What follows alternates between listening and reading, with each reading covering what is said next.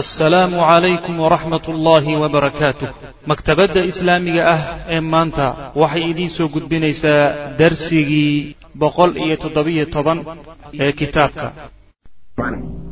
Ma ahayn inuu adduunyo oo dhan dhinacyaha iska dhigay oo haweenkiisu eregsanaayeen sidaa daraaddeedna qanacsanaanta iyo raalli ahaanta iyo sabirka uu ka keenay ee ma ahe asal bay ulahaayeen man ayadoo nebigu gaajaysan yahay oo nolosha cidhiiri ku tahay oo rabaadsan yahay ayay haddana saa kula noolaayeen nebigu salawatullhi waslamu caleyh saas maana ayib qaala anasun anas wuxuu yidhi ma aclamu ma ogi buu yihi annabiya sal lay sl nebiga oo ra'aa arkay radiifan canjeero muraqaqan oo la jilciyey. Xataa laxiqa ilaa uu ka haleelay. Billaahi ilaahay ilaa uu ka haleelay. Waxaan ilaa uu ka geeriyooday. Weligii nebigu canjeero la jilciye ma arag mana cuni muraqaqa waxaa la yidhahdaa canjeerada marka la jilciyo oo la nadiifiyo oo qaab gooniyo markaa iyagu ay yaqaaneen loo sameeyo ayaa la yidhahdaa macna. Ayib waxaa kaloo la yidhahdaa yani raqiiq la yidhaahdaa markii canjeeradu waaweynta canjeerada waaweyn ee macnaha aada u waaweyn ayadana waa la yidhahdaa. Walaa ra'aa muusan arag buu yihi nebigu sal alay waslam shaatan ri muusan arag samiitan oo la shiilay. Bicayni bicaynihi ishiisa muusan ku arag qato weli yani waxa weeyaan ri samiidka waxaa la yidhahdaa neefka oo haraggiisa isagoo macnaa haragga inta laga saaro waxaan u jeedaa inta dhogorta laga guro isagoo haraggii wato biyo kulu la geliyo saas waa la yidhahda shiiliddana waa la yidhahda marka waa hilibka marka aada loo macaaneeyo oo qaab khaas a loo macnaha loo bisleeyo qaabkaasoo kalena weligii nebigu ma arag salawatullah waslamu caleyh saas macana ayib wa qaalat caaishatu caaisha waxay tidhi in kunnaa waxaan ahayn bay tihi lananduru kuwa fiiriyo. Ila alhilaali bisha ayaan fiirinayna halaata ahillatin saddex bilood fii shahrayni oo laba bilood isla. Yani saddex bilood oo laba bilood isla. Hilaalka waxaa la yidhahda macnaha bishu markay bilataa la yidhahda maana bishu markay bilato oo yar tahay baa hilaal la yidhahda saddex bilood marka oo laba bilood isla ah ayaa macnaha waxa weeyaan yaan sugi jir yaan fiirin jirnay bay tir wamaa unqidad iyagoon laga hurinin fii abyaati rasuuli lahi sal lay slam nabiga guryihiisa iyadoon laga hurinin naarun wax dab ah dab laga shigo saddex bilood macnaha waxa weeye oo laba bilood ah. Yaani bil baa dhalan bishaasaa u dhammaan bishii kalaa dhalan way u dhammaan bishii saddexaad baa u bilan oo u bilaaban way macana marka laba bilood bay dhammaysteen tii saddexaadna way guda muddada intaa la egee labada bilood iyo dheeraadka ah guryaha nebiga sal alla alay wasalam oo faraha badan hal midoo dab laga shidi wax laga karin. Saasaana soo martay bila caaisha radi allahu canha fa qaala laha curwatu curwa wuxuu ku yidhi curwatu bnu zubayr habaryar bay u ahayd asmaa baa dhashay. Wuxuu ku yidhi maa kaana yuciishukum? Maxaa idin noolayn jiray? Maxaad ku noolaynen haddii dabba aan la shidayno laba bilood oo kaamila maxaad ku noolaynen qaalad waxay tidhi alaswadaani labada madmadow. Attamru timir iyo walmaau biyo yaani timir iyo biyo un macnaha waxa weeyaan timirtana cuntaa laga dhigan biyaha madowna waa un lagu liqi macnaha intaasaa cunto noo ahay tiri radia allahu canha wa ardaha walakhbaaru akhbaarta iyo axaadiista bi hada oo arrinkaa ku saabsan kaiiratu waa farbadanta axaadiista macnaha ku soo aroortay iyo nebiga sal alay waslam duruuftiisii nololeed iyo qaab dhaqaale iyo xidhiirigii nololeed uu ku noolaa nebigu sal alay wasalam axaadiista ku soo aroortay aada bay u fara badan tahay macnaha ayib wa maca hada shadafi cidhiidhigaas isagoo jiro wadiiq diiqa iyo shadafku waa isku macno waay. Labaduba waa cidhiidhi macnaha ayadoo cidhiidhigaa nololeed uu nebigu ku jiro salawatullhi wasalaamu calayhi lam yasdur haddana kama soo fulin. Minhunna haweenka xaggooda maa yuujibu wax waajibiya alcataaba canaan ilaa maratan waaxidatan hal mar mooyaane. Intaa ay nebiga la noolaayeen noloda nolosha adag adag ee qallafsanna ay kula noolaayeen wax lagu canaanto maynan samaynin ilaa hal mar mooyaane. Wax ilaahay ku canaanto mayna ku kicin hal mar mooyaane. Xasaba muqtada albashariya. Aadaminimadu sida ay keenaysa un saas way macana aadaminimada markan kadeetana aadanimadu aabad aadaminimada unbaa ka keenta mar hadday bashar yihiin oo aadan binu aadam yihiin waa gafaya. Oo macnaha waxbay tirsanayaan oo qalbi binu aadam baa ku rakiban oo malaa'ig ma ah. Marka binu aadamnimadu siday keenaysa in wey macnaha waliyakuuna iyo inuu ahdo daraaddeed aadaminimadaasi horta way keentay markaa ay macnaha la canaanan doono ee ay gafka sameeyeen. Waliyakuuna inay ahaato sababkeedna way u dhacday arrintaasi sababan sabab si ay ugu noqoto litashriici alaxkaami axkaam sharciga jidaynteed macna. Laba faa'iidaba way ku jireen khaladkaa ay galeen. Mid weeyaane horta in hortaba la muujiyo inay bashar binu aadam yihiin oo khaldami karaan. Taasi waa mid meesha ku jirta. Ta labaad weeyaane khaladkay galeen axkaam sharciya baa yaal sababkeeda lagu jidayn doonaa. Khaladkaas sababkiisa iyo dartii ayaa axkaami soo degi doonaa qur'aan baa ku soo degi doona. Axkaam lagu jidayn doona maana taasina waa ujeedo kale. Faanzala allahu ilahay wuxuu soo dejiyey aayat atakyiir aayadda lagu khiyaargelinayo lagu doorgelinayo haweenka nebiga sal lla lay slam aayaddaasaa soo degtay. Yaa ayuha nabiyu qul liazwaajika in kuntunna turidna alxayaata addunya waziinataha fatacaalayna umatickunna wausarixkunna saraaxan jamiila wain kuntunna turidna allaha warasuulahu waddaara alaakhira faina allaha acadda lilmuxsinaati minkuna ajran cadiima aayaddaa wey macana waxayna ku timid waxoogaa nebiga salawatullahi wasalaamu caleyh ayay ka codsadeen in ay uu noloshooda sida u dhaamo inuu noloshooda sida u dhaamo bal waxbaa la helay oo dadkii waxbay heleen oo futuuxaad baa la yaro helay oo taqriiban macnaha waxbaa soo galay dawladda islaamka iyo nebiga salawatullhi wasalaamu caleyh saa daraaddeed waxoogaa waxay iska jeclaysaneen waxay iska jeclaysteen bal cidhiirigan in laga yaro saaro oo nolosha yaani waxa weeyaan bal heerka laga yaro bedelo ayay nebiga ka codsadeen salawatullahi wasalaamu caleyh aayaddana marka soo degtay. Yaa ayuha nabiyu nebiyow qul waxaad tidhahdaa liaswaajika haweenkaaga waxaad ku tidhahdaa in kuntunna haddii aad tihiin turidna kuwa doonaya alxayaata addunyaa nolol adduunya haddaad u jeeddaan oo doonaysaan. Wa ziinatahaa iyo adduunyo quruxdeed haddaad rabtaan fatacaalayna kaalaya ku dhig. Umatickunna waan idin raaxayn. Wa usarixkunna waanan idin furi. Saraaxan furitaan jamiilan oo wanaagsan. Yacani waxa weeyaan xoogaa sabirsiin ah. Mutacada waxay umataca waxaa la yidhahdaa haweenayda marka la furo waxoogaa sabirsiinaa la siiyaa oo sharcigu sheegay. Meherkii ma aha. Waxaan meherka ahayn oo la yidhaahdo macnaha waxa weye raaxaysiin yani waxa weye sabirsiin la yidhahdo ayaa la siiyaa macnaha. Marka waxa weye umatickunna waxoogaagaa sabirsiinta waan idin siin.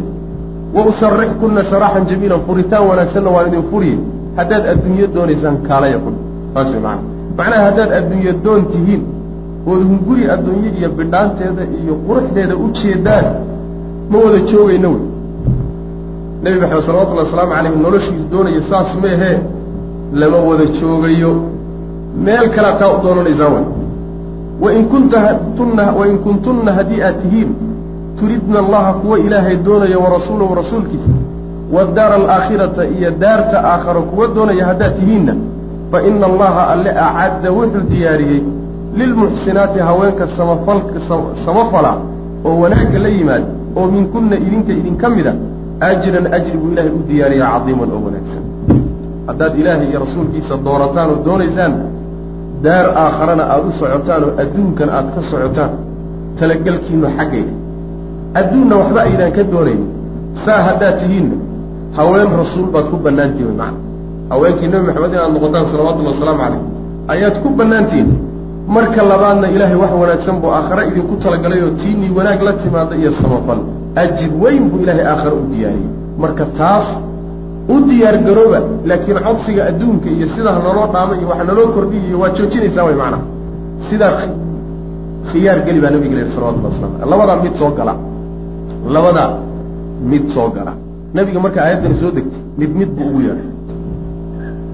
Mid mid buu ugu yeedhay. Markaasuu aayaddan ku dul akriyey haddaad doonaysaan codsigaad wadataan hadduu noocayo hadda soo diyaar garooba waa idin furaya.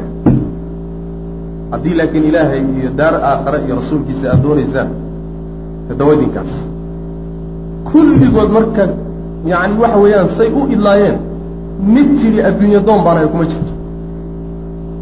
Canaantiiba haddii laysa canaantayba waa la gabaday. Ilan markii horeba dabeeca keentay wax. Yani waxa weye bini aadannimo unbaa keentay waxaan inuu khalad yahay markay garteenna laga wada laabay macna markaasaa waxaa la doortay ilaahay iyo rasuulkiisa iyo daarta aakharahiisa kulligood wada doorteen macna caaisha radi allahu canha ayaa xadiidkeedu wuxuu aha nabigu sal alay slam markuu ku yidhi bal waalidkaa la soo tasho aabbaha iyo hooyadaa iyo la soo tasho ayaa waxay tidhi matanaan kala tashan aabbihi hooyo walla inaanan la tashanaynin weydiinaynin. Ilaahay iyo rasuulkiisa iyo daarta aakharaan doortay bay tihi rasuul alla macna cid aan kala tashanna ma jirta midda iyada macna marka taasi sharaftooday ka mid ahay wa kaana waxa ahaa min sharafihinna haweenka nebiga sharaftooda waxaa ka mid aha wa nublihinna iyo sarrayntooda. Qiimahooda waxaa ka mid ahaa annahunna iyagu aaharna allaha ilaahay ayay doorteen wa rasuulahu iyo rasuulkiisa.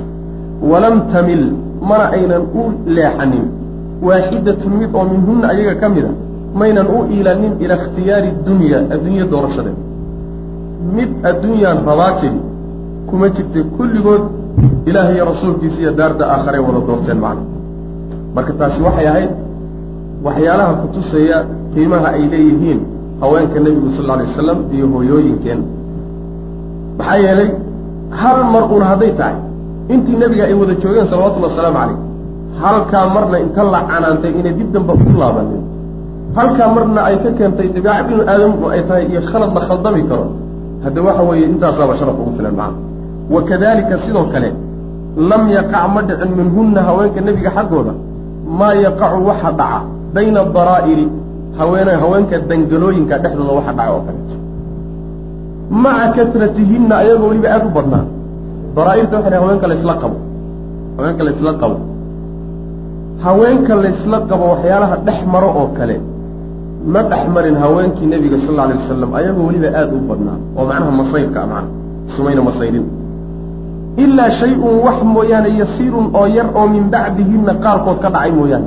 Xasaba iqtidaa'i albashariya binu aadannimada iyo basharinimadu weliba siday keenaysaa. Saasay keenaysaa macnaha haweeney haweeney lala qabaayo inay iska masayto oo marmar ficil loo tahay. Waa dabeeca binu aadam wey macna. Dabeeca binu aadam wax ilahay ku abuuray wey subxaana wa tacala qaarkood weliba wax yar baa dhacay oo axaadiistu soo tabisiyey qur'aanku. Wax yar qaarkood weliba ka dhacaya maynan ka wada dhicin macna iyaduna. Uma caataba allahu ilaahay baa ku canaantay calayhi dushiisa waa la eedeeyey falam yacudna ma aynan ku laabanin. Lahu isaga maratan ukraa mar labaad mayna ku laabanin. Ilan tilaabaday qaadaanba ilahay baa subxana wa tacala saxaya khaladkii galaanba. Wa huwa kaasuna aladii midkii waya dakarahu llahu ilahay uu sheegay fii suurati taxriim buu ku sheegay. Biqowlihi odhahdiisii buu ku sheegay yaa ayuha nabiyu lima tuxarimu ma axala allahu laka tabtagii mardaata aswaaji nebiyow maxaad isaga xarimaysaa wuxuu ilaahay ku xalaaleeyey. Adigoo haweenkaaga raalligelintooda raadinaya waxay qisadu ahayd nebiga salawatullahi wasalaamu aleyh zaynab. Laba arrimood ba waa la sheegaa. Zaynab gurigeeda ayuu malab malab bay siin jirtay. Malabku haweenka kale marka oo caaisha iyo xafsa iyo kuwa kale ah malabkaasoo kale ma haystaan laakiin zaynab baa haysta markuu nebigu guriga yimaado salawatullahi wasalaamu aleyh malabkaasay siisaa marka. Way ka war heleen marka caaisha iyo xabsiyaa ka war heleen. Markaasaa waxaa la yidhi see nebiga uga goynaa malabka isaga. Seen ugu dirnaa. Maxaa yidhi haweenaydu ma doonayso in haweenayda kale lala qabaayo inay ninka uga roonaato ma rabaan. Saas macana in ama lagu sinaado ama iyadu ka sidatay rabto. Laakiin haddii looga roonaado in laga jeclaadaa meel ka soo bixi macnaha waxaa marka ku dhashay malabkaa aan nebiga ku dirna salawatullahi waslamu caleyh markaasaa waxay yidhahdeen maxaan samaynaa waa la tashanaya waxay dha waxaan samaynaynaa. Waxaan dhahaynaa adiga markuu kuu soo galo waxaad dhahda nebigow waxaad cuntay geedkii hebelaha xabagtiisii qarmuunay. Miyaad cuntay oo afkaaga waxbaa maar waxbaa ka soo urahay aniguna markuu iisoo galo saasaan ku dhihi doona waa yahay baa la yidhi o mid buu u soo galay. Sidii bay ku tiri. Nebiga waxbaa kaasoo kankamahaye ma geedkii hebelaha xabagtiisu qarmuunayd baad cuntay bay ku tiri kii kalena sidii bay ku tiri markaasaa nebigu sal alay slam wuxuu yidhi yaani maya zaynab baa malab isiisayo dib dambana u cuni maayo.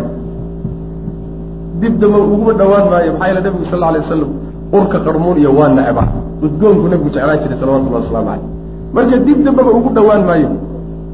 Malabkii marka zaynab ay siinaysay buu iska xarimay. Saa daraaddeed baa waxaa la yidhi maxaad isaga xarimaysaa wax ilaahay kuu xalaaleeyey adoo haweenkaaga ku raalligelinay waa lagu canaantay nebigu sal lla alay slam iyagana dib baa laga canaanan doonaa. In tatuubaa ila allah faqad sagad quluubukumaa. Yani waa khaasatan xafse iyo caaisha yaa si gooniya loo canaantay macna.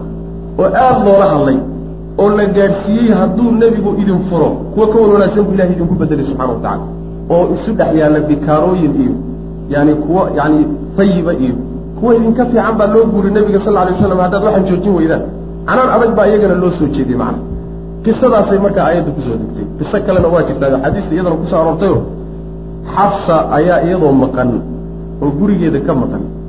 Yuu nebigu sal alay wasalam yani addoontiisii maariya iyo wuxuu ugu galmooday oo yani la seexday gurigii iyo gogashii xafsa. Xafsa markay soo laabatay marka ka wareeshay markaasay aada u xanaaqday. Waxaa tii nebigow yani sida aad ii haanaysatay iyo macnaha waxa weye haweenkaaga waxaaba ku samayn baad igu samaysay. Muxuu yahay? Hade gogashaydii baad haweeney kale keensatay bay ku tiri. Haweeney kale ayaad gogashaydii keensatay. Markaasuu nebigu wuxuu yihi sal alay waslam dib dambaba ugu galmoon maayo dib dambaba taasi. Yani waxa weeye hayga fogaato. Taasay mar ku soo degtay iyadana waa la yidhahda labadaba xadiis saxiixa waa markaasaa ilahi subxaana wa tacala ku leeyahay addoontaada ilahay kuu xalaalay maxaad isaga xarimaysa adoo ku raaligelinaya xabso macna taasina iyadana waa qiso iyadana jirta wey marka waxaa dhan waxaa keenaya waa masayr masayr ay isu masayreen axaadiista waxaa kale ku dartay yani caaisha radi allahu canha mararka qaarkood iyadana inay ka dhacday. Nebigoo salawatullahi wasalaamu caleyhi gurigeeda jooga oo marti u joogta. Ayaa haweeney kale oo haweenkiisa ka mid ah intay cunto keentay soo dhiibtay. Cuntadii oo la soo waday arag oo xaafadda lagu soo wado. Martida guri joogta loo soo wado. Intay ka hor tagtay bay weelkiina jebisay cuntadiina daadisay saas way macana macnaheedu waxa weeyaan haweeney gurigeedii la joogo oo martidii u joogto mid kale hadday cunto soo dirto. Macnaha kuma filla wey martida. Martida kuma filla. Fahamkaasaa la qaadanaya macana sidaa daraaddeed waa ka dhacday waxyaalo badanoo macnaha basharka dabiicaddiisu ay keenayso waa binu aadan wey macnaha malaa'ig ma ah laakiin ma badnayn. Intii dhacdayna waa la baraarujiyey waana ka tageen macna saas ilaa tamaami alaayati alkhaamisa aayadda shanaad dhamaystirkeeda laga gaadho macna yacni fi suurati ataxriim awalkeeda ilaa shanta aayadoodee hore laga gaadho yaa ayuha aladiina aamanuu quu anfusakum wa ahliikum naaran inta laga gaadhayo aayadahaasoo dhan baa iyaga macnaha lagaga hadlaya iyo qisadaas wa akhiiran markii ugu dambaysay wa akhiiran kama dambays iyo gebagabo araa waxaan arkaa buuri sheekhu halkan wuxuu kaga jawaabaya gaalada iyo inta gaalo raaca munaafiqiinta ayaa nabiga sal alay slam haweenkiisii badnaan. Iyay wax ka sheegaan. Waxaa kalooy duraan oo wax ka sheegaan. Haweenka badan ee diinta islaamku ay banaysay hal mid keliya tamaa ragga loo guuriyo haweenkaba sida loo yidhi hal nin unbaad guursan kartaan. Maxaa raggiina afar loo siiyey? Haweenkiina hal midun ag joog loo yidhi waa shubha khayr daran wey oo gaaladu macnaha ay wadwadaan way waayaan. Waxay halkaa ka soo saarayaan waxa la yidhaahdo diinta islaamka haweenka way dulmiday xuquuqdoodii bay duusiday oo raggay la jirtaa u xadiisay halkaasaa laga miisay. Taasu marka xoogaa jawaab yaroo kooban ayuu ka bixinaya wa akhiiran gebagabada araa waxaan arkaa buli sheekhu annahu laa xaajata wax baahiya inaan loo qabin ila albaxfi baadhitaan fii mawduuci mabda'i tacadudi zawjaat. Haweenka batay mabdi'iisa mawduuca ku saabsan oo la baadha haweenka nebiga sal lla alay waslam badashada ay bateen ummaddana loo baneeyey ragga ummadda nebi maxamed sal alay slam raggeeda. Banaynta loo baneeyey haween badan inay guursan karaan mabda'aas mawdiciisoo la baadho oo laysku taxallujiyaayo baahi badan inaan loo qabin baa ii muuqata. Bu maxaa yeelay oon loogu qabin. Faman nadara ruuxii fiiriya fii xayaati sukaani oruba yurub dadka degan noloshooda ruuxii u fiirsada alladiina kuwaasoo yasduru uu ka soo fulaya minhum xaggooda annakiiru diidada ashadiida oo aada u daran calaa hada almabda'i mabda'a la diido haddaad u fiirsataan nolosha ummadaha iyo bulshooyinka reer yurub oo inta badan dadka mabda'an haweenka faraha badan guurkooda diida ka mid a haddii noloshooda ruuxii u fiirsada oo wa nadara haddana fiiriya ilaa maa yuqaasuunahu wax haysta oo min ashaqaawati dhurdarro iyo walmaraarati khadhaadh ah khadhaadhka iyo ayaandarrada iyo rafaadka iyo dhibka haysta ruuxii u fiirsada iyo wamaa ya'tuuna waxay la imaanahayaan ummadahaasi oo min alfadaa'ixi fadeexooyin ah waljaraa'imi iyo dembiyo alshaniicati oo aadka u foolxun ninka u fiirsada wamaa yuwaajihuuna iyo waxa ay qaabilayaan oo ka hortegayaan oo min albalaayaa balaayooyin ah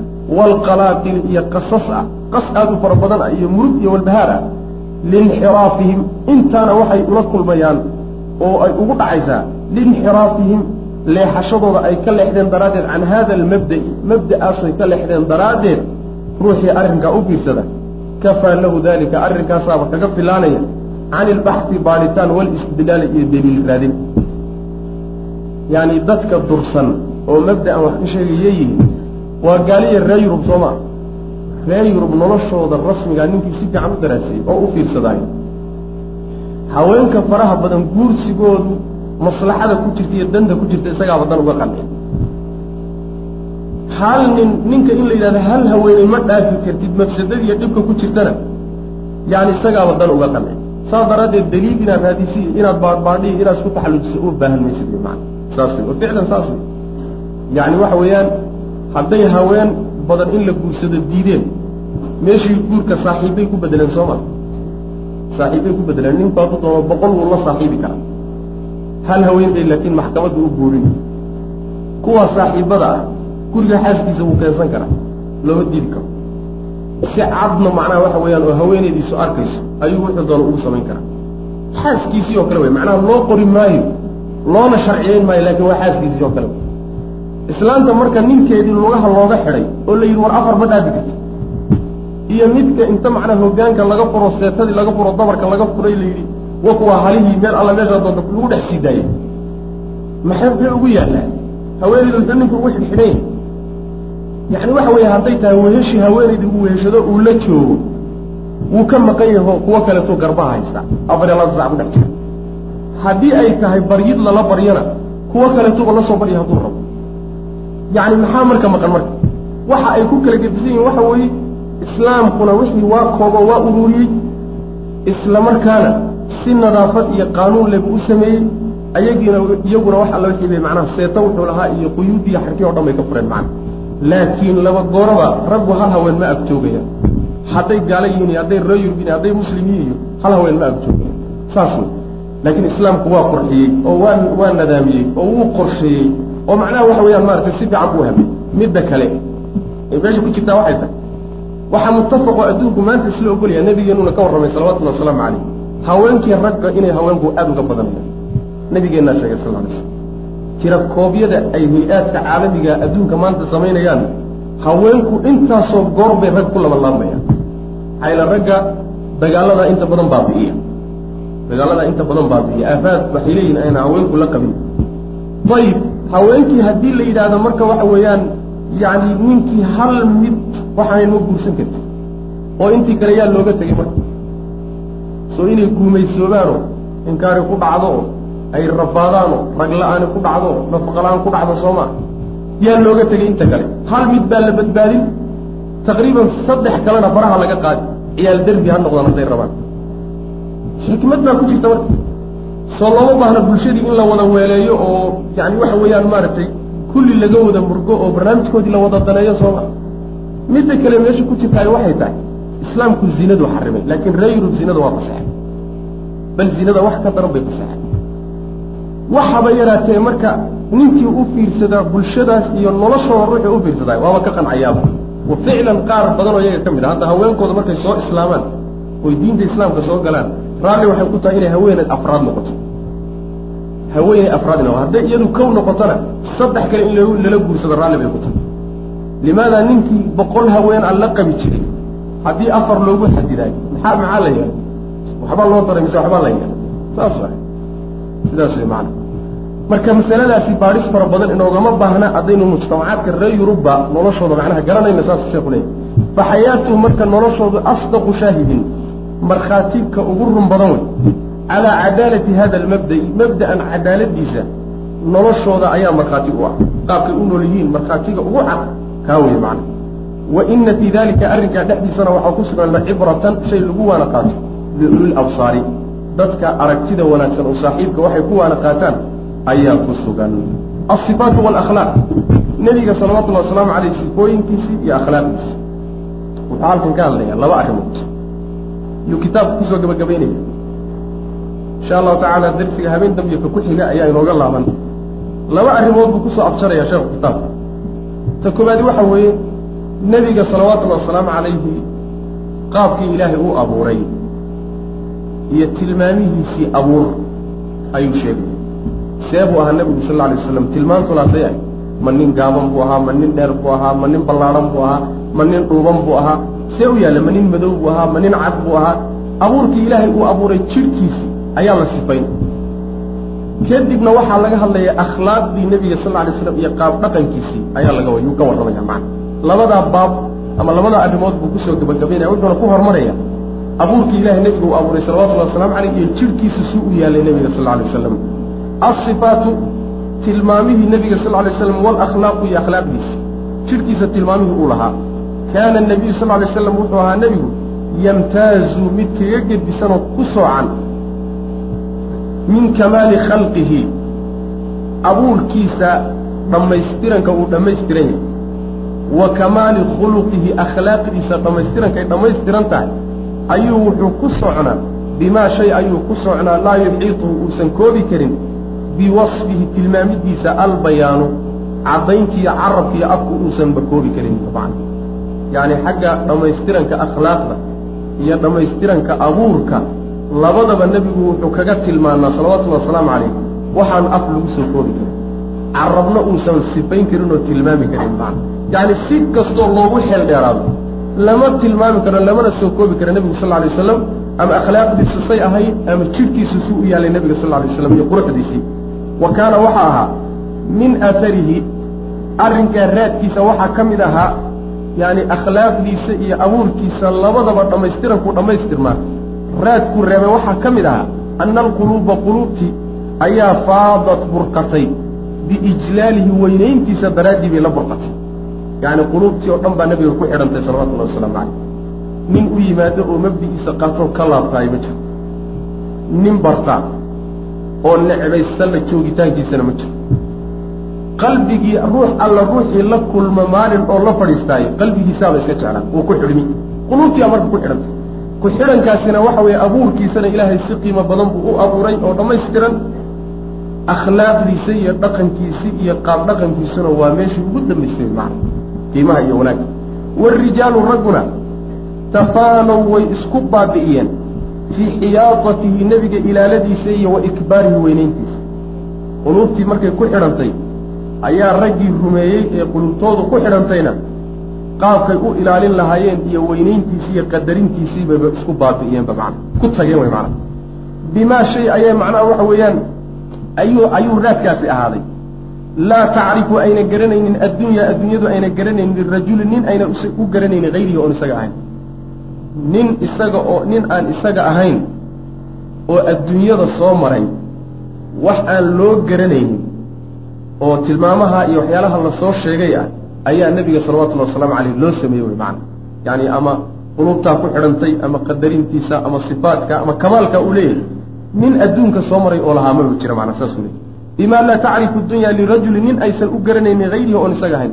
Faaladiina saxaabada caasharuuhu oo nebiga la noolaaday oo la macaamaltamay axabuuhu way jeclaadeen. Ilaa xaddi lhiyaam ilaa xaddi lhiyaam yacni ilaa xad jacaylku jacaylkiisii ay macnaha waxa weeyaan kaba dhergi waayeen hiyaamka waxaa la yidhahdaa.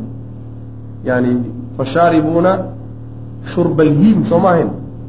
Hiyaamka marka waxaa la yidhahdaa waa cudur geela ku dhaco. Neefka markuu ku dhaco biyaha kama dhergo ma aqaano maxaa la dhaha raggi geel la yidhahdo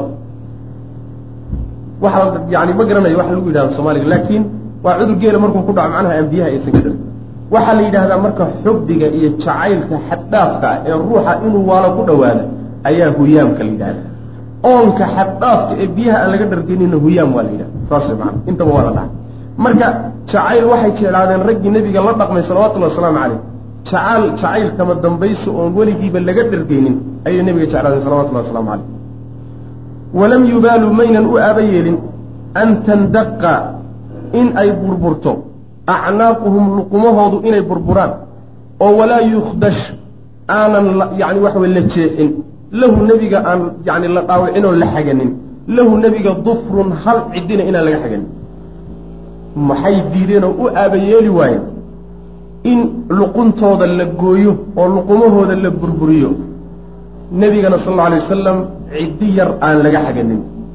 Ciddi yar aan laga xaganin. Yacni siday u difaaceen oo wax walba ugu bixiyeen si aynan wax yar u xaganin. Iyo intay jidhkooda ka soko mariyeen oo naftooda ka soko mariyeen bay ku difaaceen way macana ayagu qoortay dhiigteen qoortooda ay dhiigteene lagu la jejebiyey waxay ku difaacayaan nebiga inaynan xaganin ciddi inaysan xaganin macana yani wax yar oo dhiba inuusan gaadhin. Saas way maana jacaylkay jecel yihiin daraaddeed. Wamaa axabuuhu mana aynan jeclaan nebiga kadalika saamaynan u jeclaanin. Ilaa hadday jeclaadeen waxay ku jeclaadeen unbaa jira.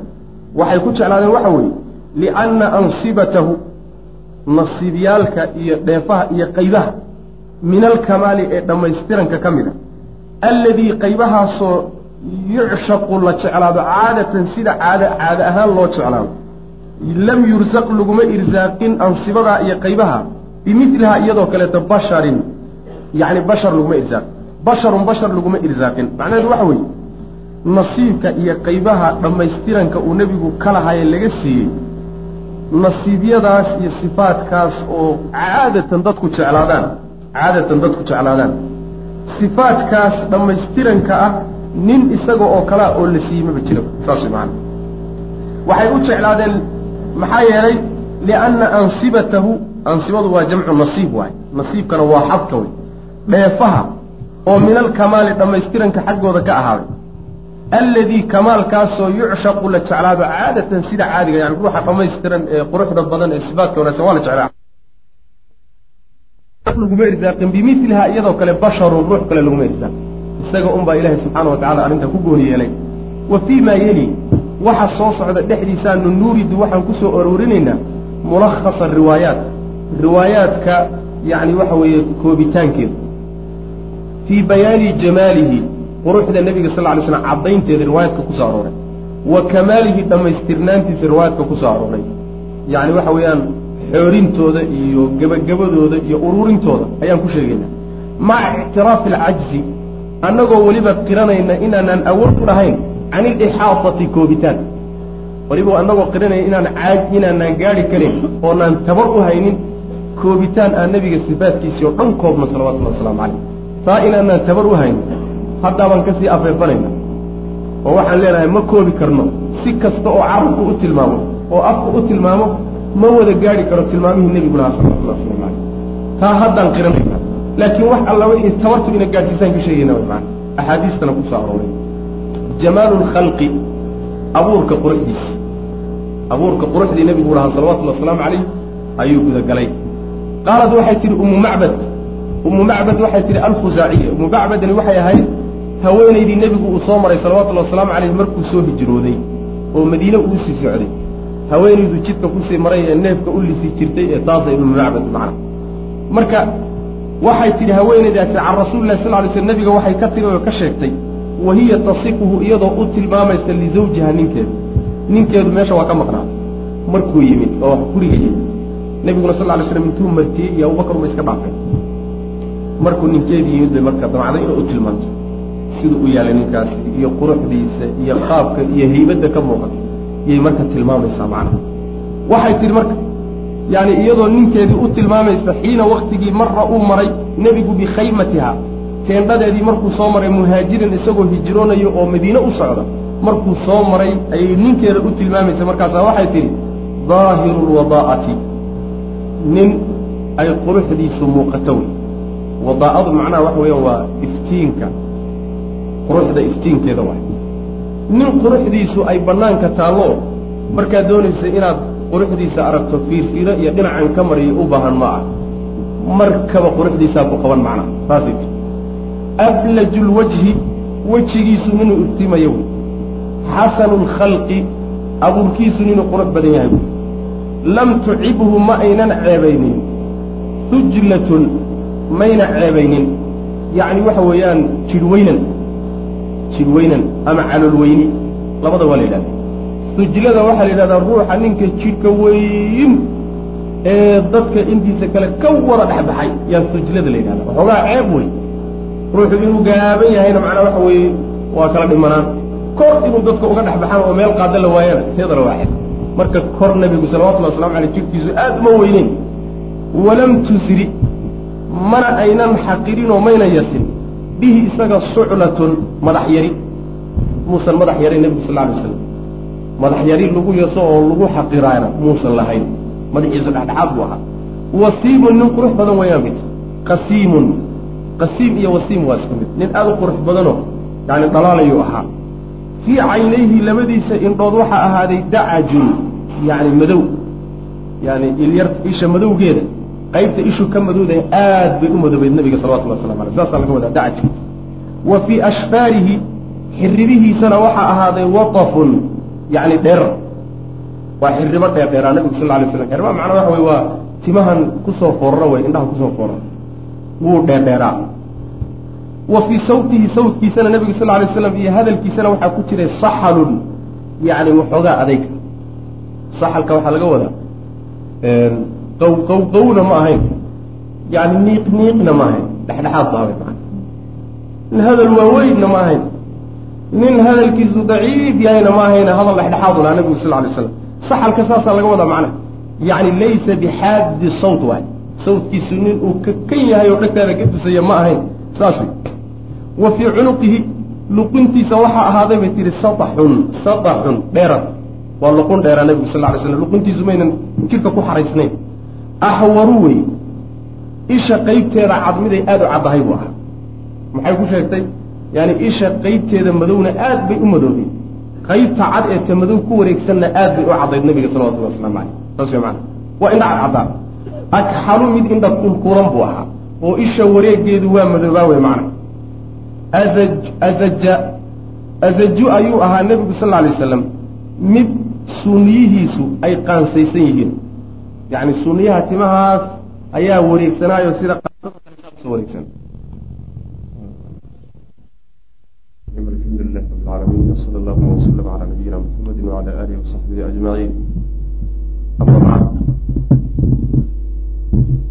waxaan ku soo dhex jirnay nabiga sal lla alay wasalam sifaadkiisii iyo tilmaamihiisii abuurka ahaa iyo jirhkiisu suu u samaysnaa nabiga sal alla alay wasalam xubnihiisa taasaan ku dhex jirnay. Marka waa miduu sheekhu ciwaanka inooga dhigay jamaalu lkhalqi abuurka nabiga sal alla alay wasalam quruxduu lahaa. Taa wey macna. Marka waa baab aada u adag oo carabi badan oo ku jiraan soomaali loo helayn soomaaligiisu iska adag marka halaysla qabto halaysla cadcadiyo soomaaligii dadkii yaqaanay. Qaalat waxay tihi umu macbad alkhusaaciya umu macbad waxay tihi can rasuuli lahi sal alay wasalam ay ka sheegtay wa hiya tasifuhu iyadoo tilmaamaysa nebiga lizawjiha ninkeeday u tilmaamaysa. Xiina mara xiina mara markuu soo maray nebigu bikhaymatiha teendhadeedii muhaajiran asagoo madiine u socda uu hijroonaya markuu halkaas soo maray ayay nebiga waxay nebiga tilmaamihiisa waxay u sheegaysay ninkeeda. Markaasaa waxay tihi daahiru lwadaa'ati nin quruxdiisu ay muuqato wey waxaa laga wadaa wadaa'ada waxaa la yidhahdaa waa quruxda wejiga iyo nadaafadiisa la yidhahda in quruxdiisu muuqato oo aan fiiro badan u baahnayn ayuu ahaa markaad quruxdiisa inaad ogaato doonayso. Ablaju lwajhi wejigiisu miduu iftiimayuu ahaa ifayo. Xasanu lkhalqi abuurkiisu miduu aada u wanaagsan yahay buu ahaa. Macnaha xubin walba qaab aada u cajiiba ilaahay u dhigay subxaana wa tacaala. Lam tucibhu ma aynan ceebaynin hujlatun jidhweynin jidhweynan macnaha jidhkiisu aada uma weyneyn waxaa kaloo hujlada la yidhaahdaa? Calooshana weynankeedana waa la yidhahda calool weynanna ceebba ma lahayn jidh weynanna ma lahayn nebigu sal ly slam yani weynanka xadaafkaa baa la yidhahdaa macna walam tusri ma aysan yasin oo maynan xaqirin. Bihi nebiga suclatun madax yari. Aada muusan u madax yarayn. Wasiimun buu ahaa mid qurux badan. Waa quruxda weliba haabitada ah quruxda qaarna macnaha waa ba'daa qaarna waa joogto wey midda joogtadaaba wasaamada la yidhaahdo. Wasiim buu ahaa qasiimun oo xubin walbana goonidiisa u qurux badan yahay. Qasiimka waxaa la yidhahdaa xubin walba quruxdu markay yani ku idishahay baa qasiim la yidhahda wasiimkana macnaha waa quruxda daabitada. Isku macnona waa laga dhigi karaa. Fii caynayhi labadiisa indhood waxaa ahaa dhexdooda nabiga sal alay wasalam dacajun yani madow. Waa inka way madowga macnaha isha qeybteeda madow ayaa aada u madoobaa wa fii ashfaarihi nebiga xiribihiisana waxaa ahaa watafun dher yani xiribaha waa timaha indhaha ku foorro waay. Timiha timahaasuna way dheeraayeen macna. Wa fii sawtihi nebiga sawdkiisana waxaa ku sugnaa oo dhexdiisa ahaa saxalun waxoogaa adayga.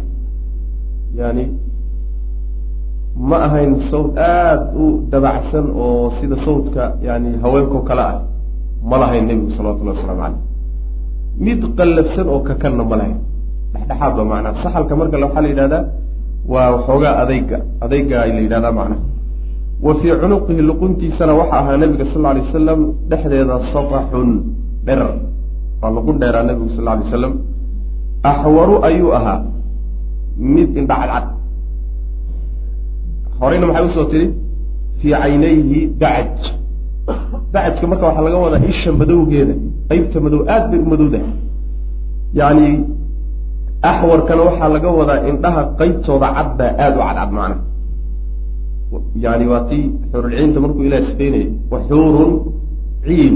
Xuurka macnaha waxa la yidhahda kuwa indhaha cadcad baa laha ayib adaju wey waa mid yani suuniyihiisu ay qaansaysan yihiin yani suuniyaha timaha kore ee indhaha kaba koreeya la yidhaahdaa kuwaasaa sida qaansadoo kale u wareegsan macna.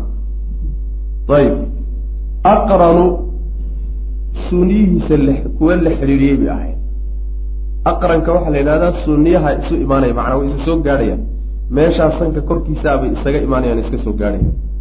Sifadaa ay nebiga ku tilmaantay salawatullahi wasalaamu calayhi waa laga xoog badan yahay maxaa yeelay xadiidkan umu macbad dacfi baa ku jira. Laakiin axaadiista saxiixa waxay tilmaameen sida inoo maan doonta nebiga sal lla alay wasalam suuniyihiisu isma soo gaadhsiisnayn isma soo gaadhsiin macna way kala go-naayeen oo halkaa dhexdaa macnaha waxa wey waa banaanayd sidaasaa macnaha raajixa. Aqranu marka macnaheeda waxa la yidhaha suuniyaha xidhiidhay waana laga xoog badan yahan shadiidu sawaadi shacr tintiisa madowgeedu miday aada u daran tahay buu ahaa. Aada buu u tin madoobaa nebigu sal lla alay wasalam idaa samata hadduu aamuso oo uu aamusan yahay calaahu waxaa ka kor maraya alwaqaaru deganaansho dulqaad iyo deganaansho iyo razana ayaa ka sara maraysa isagoo dhan fuulaysa macnaha wa in takallama hadduu hadlana calaahu waxaa ka sara maraya oo dusha ka fuulaya albahaa qurux yani qurux muuqata. Markuu markuu hadlayana yani qurux baa ka muuqata hadalkiisa oo isagoo dhan macnaha fuulaysa. Markuu aamusana deganaansho fara badan baa ka muuqata nabiga salawatullahi waslamu caleyh ajmalu nnaasi dad ninka ugu quruxsan buu ahaa. Wa abhaahum yani ugu daahirka iyo muuqaalka kore ugu fiican oo ugu ugu quruxsan min baciidin meel fog markuu kaa joogo. Markaad meel fog ka aragto yani waxa weeyaan dad ninka ugu quruxsan ee ugu muuqaal fiican buu ahaa nabigu sal lla alay slam wa axsanahu dadka ugu ugu wanaagsan buu ahaa wa axlaahu ugu macaan badan min qariibin dhowaansho markaad u dhowaatana ood la dhaqanto ood la tacaamusho ood isdhex gashaanna nin yani dad midka ugu macaan badan xagga akhlaaqdii ka hadlaysa akhlaaqdiisi iyo dhaqankiisi iyo dabeecaddiisuna dad buu nabigu ugu dabeecad macaana salawatullhi wasalaamu caleyh xuluwu lmantiqi hadalkiisu mid uu macaan yahay buu ahaa. Faslun fadluntaa khalad waay faslun waay hadalkiisu wuu kala dhigdhignaa nabiga salawatullahi wasalaamu caleyh yani hadal cad buu ahaa. Oo riwaayadka qaarkood waxaa ku soo arooray hadday ruuxa dhegaysanayo uu isku dayo inuu tiriyo oo kow iyo laba uu yidhahdo wuu tirin karaa. Kelimooyinka macnaa si u kala dhigdhigan yahay hadalka nabigu salawatullahi waslamu aleh wax isku dhex jira ma ah laa nasrun hadalkiisu mid yar ma ah walaa hadarun mid fara badanna ma ah waxaa laga wadaa ruux hadduu hadal yar yahay oo shib uu yahay. Xoogaa in la dhaliilaa laga yaaba oo la yidhaahdo warkanishu maba hadli karaba hadduu hadal badan yaho farfaar noqdana ceeb waay labadaasuu udhexeeya nebigu salawatullahi waslamu caleyh mana hadal badnayn hadalka markii loo baahdo hadli jiray nebigu sal lay slam marka nazarka waa hadalka yar hadarkana waa hadalka badan waa. Kaana wuxuu ahaa kaana waaba isagoo dhe mantiquhu hadalkiisu kharazaatun waaba isagoo ah kaana mantiqahu kharazaat yacni xabado lu-lu ah oo nudimna la taxay kuwaasoo yataxadarna shubmayo daadanaya hadalka nebigu su isu daba yaalle isu daba dhacayo ee munaasab isugu yahay waxaad moodaa xabado lu-lu ah oo inta xadhig lagu taxay xadhiggii uu meel ka go'ay iyagoo luqunta ku xidhan oo gabdhaha xidhan jiray inta luqunta isagoo ku xidhan sida kuushoo kale xadhiggii intuu go'ay bay xabad xabad isu raaceen macnaha markaasay xabad xabad isaga daba dhaceen. Xabado lu-lu oo marka intuu xadhiggii ka go'ay saa isaga daba dhachayo kalu hadalka nebigu ahaa salawatullahi waslamu caleyh yacni si usug xidhiirsanaa siduu munaasabka isugu ahaa siduu isu daba yaallay saas maana saasu ka wada saasay ka wadaa. Kaana mantiqahu kharazaatun xabado lu-lu aada moodaa oo nudimna la taxay. Xadhiggii lagu taxayna uu ka go'ay oo yataxadarna markaa daadanayo mid mid isu daba dhacay rabcatun ayuu ahaa nabigu sal alay wasalam mid itaal dhexaad ah itaalkiisu dheer mana dheerayn mana gaabnayn nabigu sal alay waslam riwaayaadka qaarkood waxaa ku soo arooray kaana ila tuuli aqrab dherarkuu u dhawaa nabigu sal alay slam yani nin dhexaad buu ahaa laakiin dherarka xaggiisuu xigay ilaan waxa weeye ruuxa marka la yidhaahdo waa itaalkiisa waa dhexdhexaad ama gaabni buu yaro xigaa ama dherar buu yaro xigaa dherar buu marka nabigu xigay salawatullah waslamu aleyh saas ayib laa taqxamuhu ama laa taqtaximuhu. Ma ay xaqirayso caynun ili ku xaqiri mayso oo ku yasi mayso ku saluugi mayso min qisarin gaabni daraaddeed. Gaabni uu gaaban yahay ili ku saluugi mayso il aragtay. Walaa tashna-uu ku ceebayn mayso ili. Min tuulin dherar uu dheer yahayna ku ceebayn mayso. Warkan iska baxay muxuu ahaaye dadkii o dhanna ka dhex baxay. Ishii aragta odhan mayso war kan gaaban ee dadkao dhan ba ka hooseeyey ee aan meel la gaari karin muxuu ahaana? Ishii aragta odhan mayso. Saas macana ayib gusnun waa yani waa laan oo bayna gusnayni laba laamood udhaxaysa macnaha waxa weeyaan laan laba laamood udhaxaysa waxa weeye. Shay walba sifaadka iyo tilmaamaha oo dhan buu dhexda yaallaa way macana laan dhuuban iyo mid buuran buu udhexeeya mid dheer iyo mid gaaban buu udhexeeya sifaadka oo dhan buu dhex ka haystaa way macana dhex yaal weeye saasuu ka wada saasay ka wadaa fa huwa isagu bay tiri andaru halaathati saddexda ka ugu iftiin badan weeye mandaran xagga arag iyo muuqaalka. Saddexday wada socdeen macnaha ila abubakar iyo ragga lala socday. Saddexdii ay wada socdeen xagga muuqaalka iyo quruxda isagaa ugu sitay bay tiri wa axsanuhum ka ugu fiican buu ahaa qadaran xagga qadarkana yacni ragga meesha socday isagaa ugu sitay lahu waxaa u sugnaaday ninkaasi rufaqaau saaxiiba ayuu watay bay ku tiri ninkeeda. Rag saaxiibadaasoo yaxfuuna aw yaxufuuna bihi aada u karaamaynaya yani maamuuska iyo sharfidda ka muuqata ay sharfayaan ay la yaab leedahay. Idaa qaala hadduu yidhaahdo istamacu way istamicuu way dhegaysanayaan liqowli hadalkiisay dhegaysanayaan istamacuu yani hadduu hadlo kama garab hadlaane hadalkiisay u dhag raariciyaan waidaa amaruu waidaa amara hadduu amar soo saaro oo amar siiyana tabaadaruu waxay u degdegayaan ilaa amrihi amarkiisa say u qaadan lahayn. Raggaasaa la socda oo asxaabtiisa ah oo ku xeeran ku geedaaman. Maxfuudun weeye waa nin loo adeego. Maxfuudka ruuxa loo shaqeeya la yidhahda maxfuudun nin loo adeego weeye oo saaxiibiyadii u adeegayaan. Maxshuudun oo laysugu yimaado oo dadkao dhan isugu soo ururo dad yani waxa weeye quruxdiisa iyo qiimihiisa iyo qaabku u yaallay nin laysugu yimaado wey macana laa caabis mid weji tuban ma aha. Caabiska waxaa la yidhahdaa weji macru weji macbuuska la yidhahda yani cadhada badan ee laga dido. Ma ahayn walaa mufanid mana ahayn sidoo kaleeto nin dadka caqligooda xaqira yasa. Mufanidka waxaa la yidhahdaa waa ruuxa yani waxa weeyaan dadka dhaleeceeya inta badan. Oo caqligooda yasa caqli darro ku tuuma isaguna waxoogaa inuu sad iyo caqli iyo garasho iyo garaad la dheeriya dadka isku tiriyey kaasaa mufanidka laga wadaa. Marka ma lahay nebigu salawatullhi waslamu caleyh tilmaantaa muusan lahayn intaasay ku tilmaantay marka umu macbad. Umu macbad marka xadiidkeedu waa xadiid mukhtalaf ah. Bacdu almuxadidiin way soo dhaweynayaan qaarna way daciifinayaan.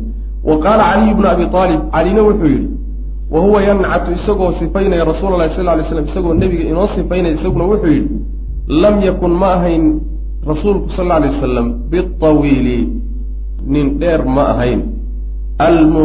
Almumaqati oo dherarkiisu xadaaf yahay.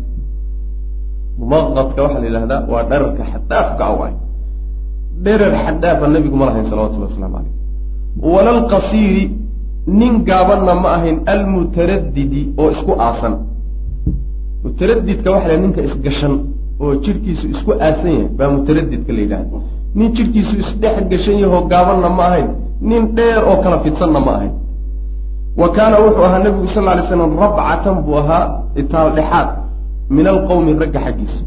Ragga itaalkooda ayuu u dhexeeyey nebigu sal lay wasalam walam yakun muusan ahayn biljacdi nin timihiisu jareer yihiin ma ahayn.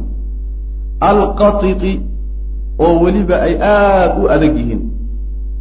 Timo adag oo adeegoodu xaddaaf yahay oo iswada hayshaysto oo qallafsanna ma lahayn nebigu salawatullhi waslamu aleyh timihiisa hala tilmaamo haddii la yidhaah timo jareera ma lahayn. Walaa bisabiqi timo raaracsan oo fidfidsan oo yani waxa weeyaan midna taana muusan lahayn nebigu sal alay slam sabidka waxaa la yidhahdaa waa timaha iyaguna aan ishayshaysanine kala socda ee fidsan waaye. Ayib. Waxaa laga wadaa marka laba qoloba timadooda muusan lahayn. Timo african muusan lahayn. Waa midda hore waay waa kow. Ta labaad timaha reer yurubna ma lahayn timaha reer yurub sabidku waxaa la yidhahdaa waa timaha waxay yidhahdaan afranjig oo kale. Afranjigu waa reer yurubka waay. Timahoodaasoo kaleetana ma lahayne. Tima carbeedoo udhexeeyuu lahaa nebigu salawatullahi waslamu aleyh saas yani waa udhexeeyaan oo adayg sida afrikaanka oo kale ana ma aha jiliic sida yurub oo kaleetana ma ahayne. Tima waxoogaa adeygna ku jiro jileecna ku jiray ahayn timaha nebigu salawatullahi waslamu aleyh saas maana wa kaana wuxuu ahaa jacdan mid tima adag buu ahaa rajilan oo fidhan. Jacdigaa dambe marka maxay tilmaamaysaa? Jacdigan jacdigii hore loo diiday waxa weeye waa adayga aada u sii adag ee jareerkaa kan dambe ee loo sugayna waxa weeye waa adayga timaha carabta oo kale ah oo aan ku jirin gunguntanka iyo isku xidhxidhanka iyo uusan ku jirin. Waxaa laga ixtiraasayaa marka jacdantaasi timaha macnaha waxa aada u jilicsan ma ahay rajilan. Rajilantaa waxaa laba macnaba waa loogu isticma waa la yidhaahdaayo. Wuu timo fidhnaa nebigu salawatullahi waslamu aleyh waa la yidhahdaa sida xaafid ibnu xajar uu leeyahy rajilanta waxaa kaloo la yidhaahdaa timaha yani laabni yar baa ku jirta laabni yar ayaa timaha ku jirta nebiga salawatullahi waslamu aleyh saana waa la yidhahda walam yakun ma ahayn nebigu sal lay slam bilmutahami mu uusan ahayn mid buuran. Nin shilis oo hilib badan ma ahayn nebigu sal lay slam macnaha waxa weeyaan nin aada u dhuubanna ma ahayn ninka soohanaha la yidhahdu ahaa nebigu salawatullahi waslamu aleyh soohana mataqaana yani waa nin hilib lagu sheegana uusan jirin oo hilib aan ahayn caato lagu sheegana aan ahayn. Laakiin waxa weye ishaysta wey maana saasuu ahaa nebigu sal lay slam marka mutahamka waxaa la yidhahdaa ninka hilibka badan ee buuran baa la yidhahda walaa dilmukalthami nin weji kaduudanna ma ahayn wejigiisa laysku soo uruuriyey oo weji isku uruursan le ma ahayn nebigu salawatullahi waslamu caleyh mukaltamka saasaa la yidhahdaa wejiga oo macnaha wareeg qaata wareeg weliba buuxa oo isku soo ururo hilibkiisu isu yimaadaa mukaltamka la yidhahda. Saa ma ahayn wejiga nebigu salawatullahi waslamu caleyh ayib wejigiisu miyuu fitanaa marka. Wa kaana waxa ahaa fi lwajhi wejiga nebiga dhexdiisa waxa ahaa tadwiirun wareegsanaan. Oo haddaaba la diidanaayo tala diidan yahay tala ogolyahay waa kala ahay tala diidan yahay waxa weeyaan wejiga oo hilibkiisa iyo xubnihiisa isu yimaadaan oo isagoo dhan ba yaraada saas ma ahayn. Tadwiir baa ku jirayna waxaa laga wadaa wejigu weji macnaha dheer oo hoos u dheer ma ahayne wareeg baa ku jira wejiga nebiga salawatullahi waslamu caleyh wareegga haddana riwaayaadku waxay caddaayeen hoos buu u yaro dheeraa haddana waa wareegsanaa wejiga nebigu sal lla alay slam sida macnaha dayaxoo kale saasaa macnaha inoo imaan doonto laga cabiri doona wa kaana wuxuu ahaa nebigu sal alay slam midabkiisiiba haddana laga hadlay abyadu mid cad buu ahaa. Mushraban oo caddaantiisa guduud la cabsiiyey. Yacni guduud iyo caddaan laysku daray. Ayuu midabka nebigu ahaa sal alay wasalam ma uusan lahayn sida inoo imaan doonta caddiin oo boosh ah. Aada u cad ma ahayn. Sidoo kaleeto madowna ma ahayn midabka ugu qurux badan buu lahaa oo ah caddaan iyo guduud laysku daray. Ayuha macnaa mushrabanta kaasaa laga wadaa. Ayib adcaja alcaynayni mid indhamadmadow buu ahaa waan soo marnay. Ahdaba alashfaari waxa uu ahaa mid xiribihiisu ay dheerdheer yihiin. Jaliila almushaashi mid garbihiisu ay waawen yihiin buu ahaa. Wlkadati wlkadadi ka walkatadi haa iyo tunkuba tunka halkaas garbaha dhexdooda ah iyo garbaha laftooda intaba waa u waaweynaa nebigu salawatullahi wasalaamu caleyh waxay inoo imaan doontaa wuu u ballaadhnaana way imaan doontaa oo garbihiisu waa kala durugsanaayeen garbuhu hadday kala durugsanaan yihiinna shafka iyo laabtuna waa kala durugsanay qaar horaha ayuu u weynaa waa quruxda macnaha. Ayib jaliila almushaashi mid garbihiisa ay macnaha waxa weye waawen yihiin bay ahaa walkatadi iyo tunkuba labadaasu u weynaa daqiiqu lmasrubati timaha xabadkiisuna kuwa ay dhuuban yihiin buu ahaa. Xabadka timaha yani waxa dhuunta ka soo bilowda ilaa xudunta gaadhaa masrubada la yidhahda timuu halkaa ku lahaa. Timo marka kala firiirsan oo jidhka kala gaadhgaadhsiisan oo xaggii xagga aaday ma ahayn sidii ul dhuuban baa waxay ku taxnaayeen xudunta ilaa laga gaadho dhuunta agteeda laga gaadho saasay ugu taxnaayeen maana sidii ul oo kale aad bay u dhuubnaayeen oo daqiiq bay ahaa saasuu ka wada maana ajradu ayuu ahaa nebigu sal alay slam mid xiirana. Ah ajradka waxaa la yidhahdaa ruuxa aan jidhka intiisa kale timaha ku lahayn. Meelo kaleeto uu timo ku lahaan jiray nebigu sal lay slam wayno imaan doonta oo jidhka ka mid. Laakiin ajirka waxaa laga wadaa yani lugaha iyo gacmaha iyo meelo macnaha waxa weeye kaleeto oo inta badan aysan timuhu ka bixin timo muusan ku lahayn. Shafna alkafayni kafafkiisu kuwa ay adag yihiin baa walqadamayni iyo gomadaha. Labada lugoodee hoose gomadaha hoose iyo gacmaha qeybtooda hore wuu ad adkaan jiray nebigu sal lay slam yacni ma jilicsanayn way adkaayeen. Idaa mashaa hadduu socdo nebigu sal lay wasalam taqallaca wuu degdegi jiray. Kaannamaa yamshi sidii isagoo socdo oo kale fii sababin meel daadega isagoo ku socdo oo kaleeto sidii isagoo meel ka soo degayo o kale socodkiisu ahaan jira nebigu sal lay slam taqalluca waxaa la yidhahdaa waxa la yidhaahdo horay u socodka. Ilan dadku markay socdaan qaar labada dhinac bay u socdaan qaarna gadaal bay u socdaan oo saas macnaha waxa wey gadaal gadaal bay u socdaan qaarna horay u socod bay leeyihiin marka nebigu horay u socod buu lahaa salawatullahi wasalaamu caleyh sidii isagoo meel taaga ka soo degdega ka soo daadegayoo kale ayuu u socon jiray. Taqalluca waxaa kaloo laga wadaa takafu'na waa la yidhahdaaye degdegana waa laga wadaa. Oo nebigu sal alay wasalam ma luudi jirin lugaha ma jiidi jirin baa laga wadaa macnaha ayib waida iltafata hadduu milicsadana nebigu sal lla alay slam iltafata wuu milicsan jiray macan wada jir markuu shay jalleecayo wejiga keliyata iyo indhaha kuma jalleeci jirine jidhkao dhan buu siin jiray macna. Waa wada jeedsan jiray saasaa laga wada ayib. Bayna katifayhi labadiisa garbood dhexdooda waxaa ahaaday khaatamu nubuwa nebinimada kaatunteedii. Yacni calaamadii ku tusaysay in nebiyada ilaahay lagu gebagabeeyo o lagu soo afjaro isagoo ugu dambeeyo calaamo ku tusaysay baa halkaa labada garab dhexdooda kaga taalay nebiga sal lla alay slam calaamadaad tilmaantay lahayd waa inoo imaan doontaa insha allahu tacala iyo qaabkay u taalaysay ah. Ayib ajwad nnaasi dadka ugu deeqsisan buu ahaa kafan xagga gacanta. Gacan wax laga bixiyo ninka ugu deeqsisan buu ahaa. Wa ajra'u nnaasi dadka ninka wa ajra'a annaasi buu ahaa dadka ninka ugu dhiiran sadran xagga laabtana.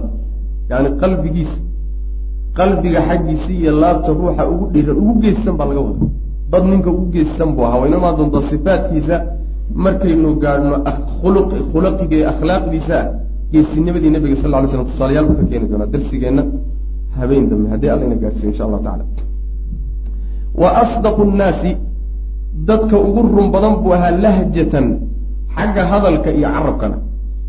Hadal ahaanna dad buu ugu run badnaa nebigu sal alay wasalam wa awfa annaasi dadka ka ugu oofin badan buu ahaa dimmatan xagga yani cahdiga iyo ballanta.